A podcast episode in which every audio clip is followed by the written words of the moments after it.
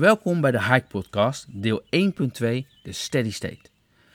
Het stevig doorwandelen, hiken, fietsen, hardlopen begint nu. Go, go, go, dan ga je en nu ga je versnellen van 70 tot 80 procent van je maximale snelheid.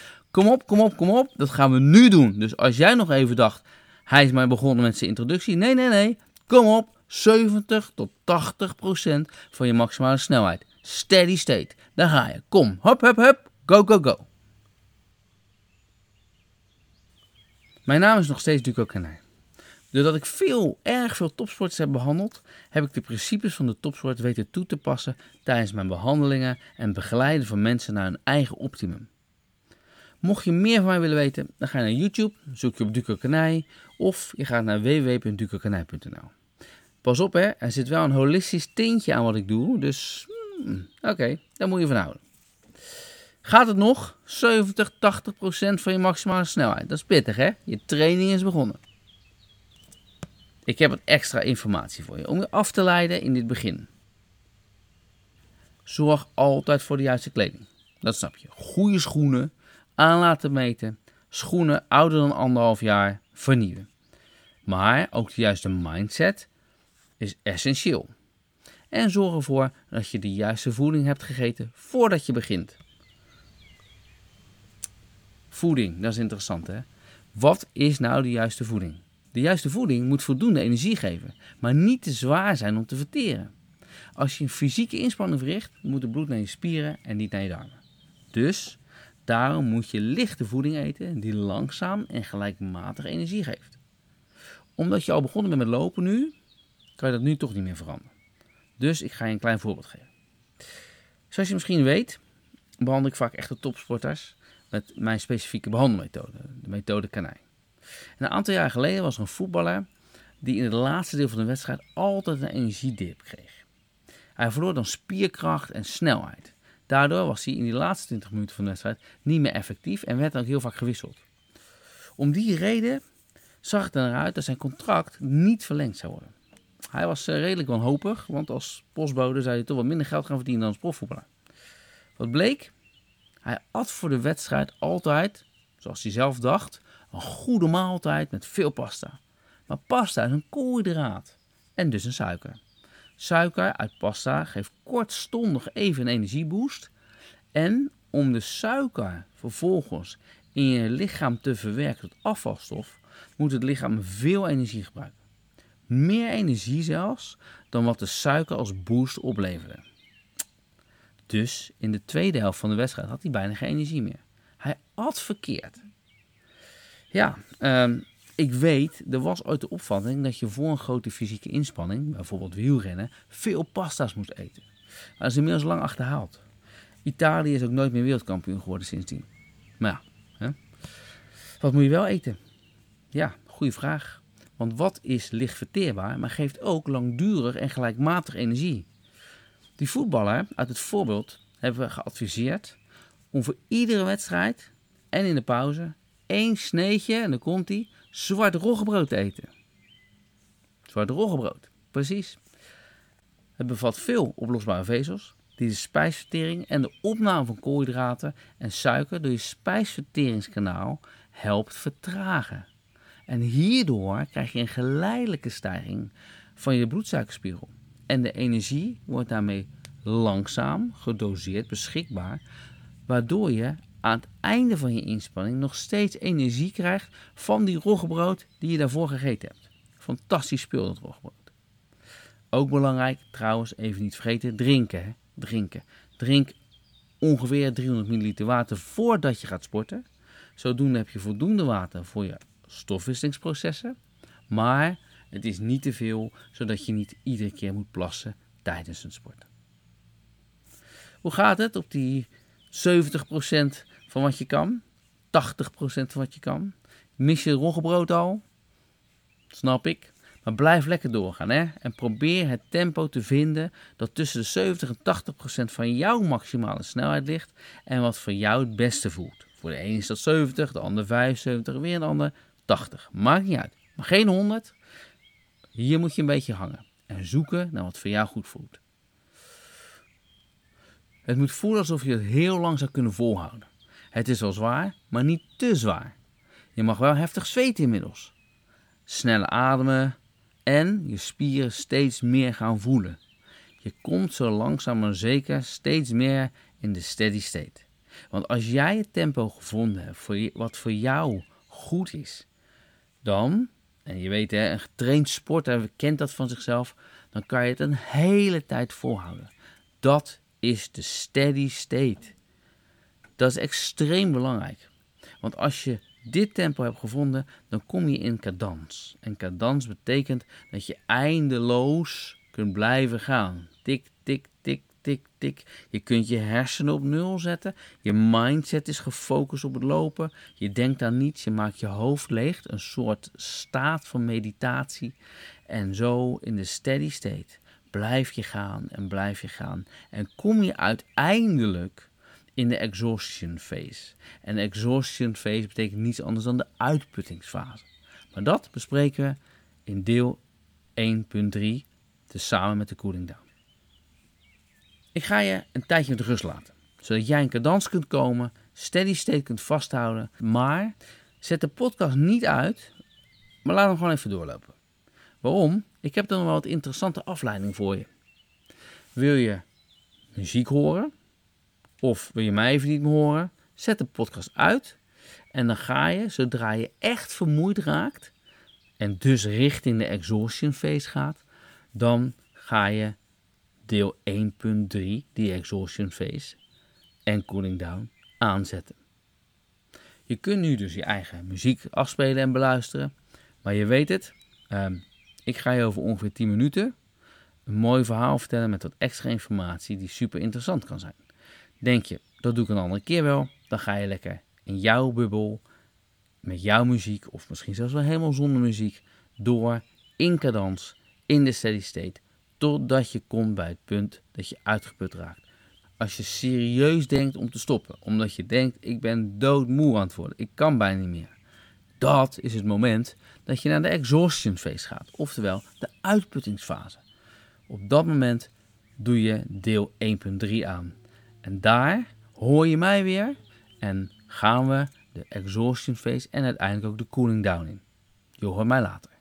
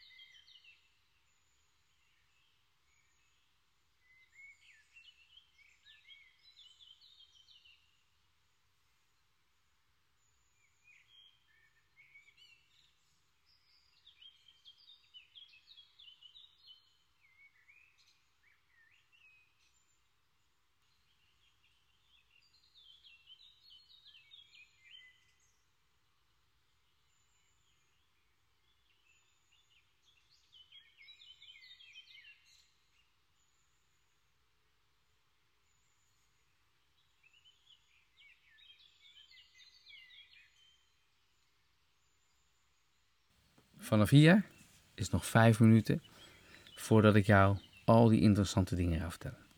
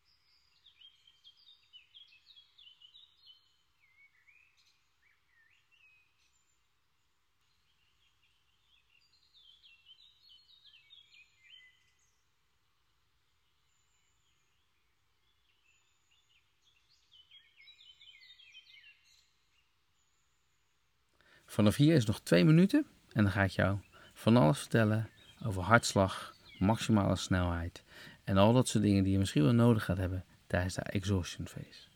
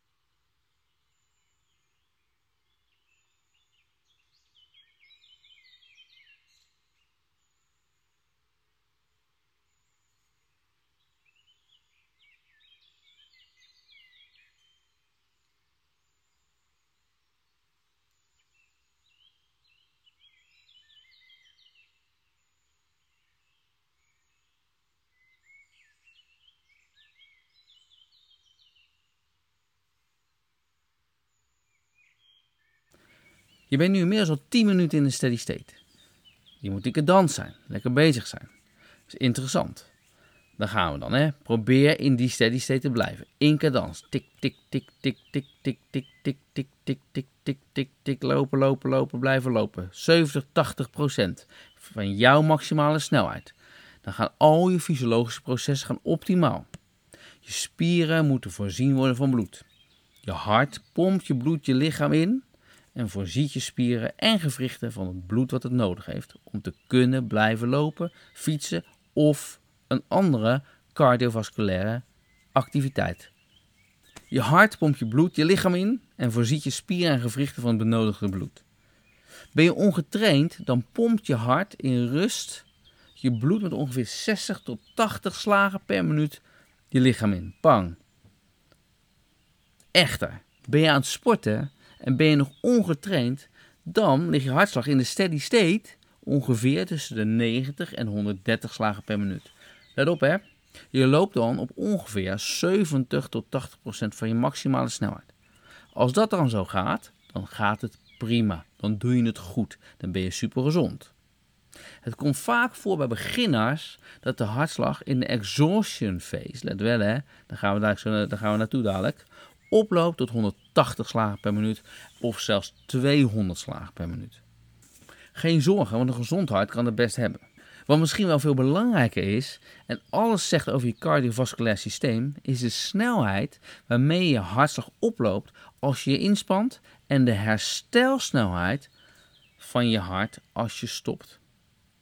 Als je begint met sporten, dan is het gezond als je hartslag langzaam oploopt. Zodra je stopt, moet je hartslag met ongeveer 30 tot 40 slagen per minuut in de eerste minuut, hè, de eerste minuut teruglopen. Dus binnen een minuut ga je 30 tot 40 slagen terug. De eerste minuut nadat je gestopt bent. Als dat zo is, dan doe je het perfect. Dat is prima. Je kunt ook een hartslagmeter aanschaffen, super handig. Uh, er zit er vaak een op je Apple Watch of op je Samsung eh, horloge. Maar mocht je vooral uh, je hartslag willen monitoren, dan hebben wij als advies, neem de Wahoo Ticker Fit. Dat is een super goede hartslagmeter die je om je pols draagt. Dat is fijn, want om je borstkas is soms toch wat lastig. Voelt niet altijd even goed. Hij meet trouwens ook je calorieverbruik. Dus um, handig, handig. Hij is niet heel duur. Uh, en dit is overigens ook even geen reclame. Ik krijg ook echt helemaal niets voor om dit te zeggen. Echt waar. Ik krijg niks voor. Maar het is wel een goede. En daar gaat het me eventjes om. Dat je een goede koopt. Mijn therapeuten, die de sporters begeleiden en de topsporters begeleiden, werken allemaal met hartslagmeters. Er is bij ons nog nooit een sporter dood neergevallen, dus um, het werkt. Een hart dat langzaam en geleidelijk zijn hartslag verhoogt als je gaat inspannen en weer snel terugkeert naar de 60 tot 80 slagen per minuut nadat je hebt gesport, toont aan dat je een goed functionerend cardiovasculair systeem hebt. En dat vergroot de kans op een lang en gezonde leven. Ben je een getrainde sporter, dan heb je meestal in rust een hartslag tussen de 40 en 60 slagen per minuut. Je kunt dan tijdens sporten in de steady state, hè, daar zit je in nu, hè, een hartslag hebben van 160 tot 180 slagen per minuut. Een getrainde sporter, die kan in de exhaustion phase doortrekken naar zijn maximale hartslag. Dus je haalt er alles uit wat erin zit. Je presteert dan optimaal. Dat is eigenlijk vooral voor echte topsporters. Een gouden regel voor niet-topsporters is je moet kunnen blijven praten tijdens het sporten. Dan ga je cardiovasculair nog steeds goed en belast je je hart nooit met meer dan 80% van je maximale hartslag. Dat betekent dat je nooit harder loopt dan 90% van je maximale snelheid.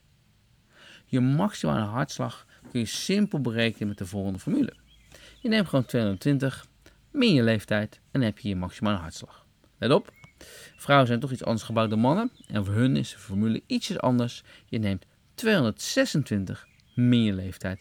En je hebt je maximale hartslag als vrouw. Ja, ja, zo werkt dat. Deze formule geeft een benadering van je maximale hartslag. Wil je exact weten wat jouw maximale hartslag is? Maak dan een afspraak bij de sportarts. Voor iedereen geldt dat ongeveer drie maanden nodig zijn van twee tot drie keer per week sporten en cardiovasculair trainen om duidelijke verbeteringen te gaan zien in het cardiovasculair systeem, dus je uithoudingsvermogen, maar ook in je vetverbranding. Weet je, waarom is het van belang hè, om zo'n goed werkend cardiovasculair systeem te hebben? Heel simpel, omdat je in al je cellen van je lichaam voedingsstoffen nodig hebt. Tijdens het sporten heb je energie nodig in je spieren. Het bloed voorziet de spieren van stoffen die mogelijk maken om energie in de spieren te ontwikkelen. Die energie noemen ATP's. Hoe beter je cardiovasculair systeem werkt, hoe beter je in staat bent om voldoende energie in je spieren te ontwikkelen tijdens het sporten. Om je voor te bereiden op de exhaustion phase is het van belang om je ademhaling te optimaliseren. Blijf gewoon even hard lopen. 70, 80 procent. En doe terwijl je loopt de ademhalingsoefening die je tijdens de warming-up ook al hebt gedaan. Ik praat je nog één keer doorheen. Adem maximaal in door je neus. Kan je nog herinneren? Breng de adem naar je buik. Buikademhaling. Dan rek je je middenrif op die manier en houd de adem nu 6 seconden vast. Adem vervolgens langzaam uit met de lippen getuit, bijna dicht, waardoor de uitademing vertraagt en de zuurstofopname optimaal gaat zijn. Herhaal dat drie keer terwijl je op 70 tot 80 procent, dus in cadans, in de steady state, blijft doorlopen.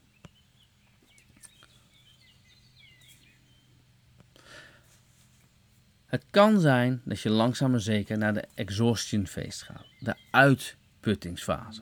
Je merkt het aan alles. Je benen worden zwaarder, je ademhaling gaat sneller, je wordt echt vermoeid. Je hebt het gevoel dat het de kracht ontbreekt, dat je met je ademhaling niet bij kan houden. Hoort er allemaal bij.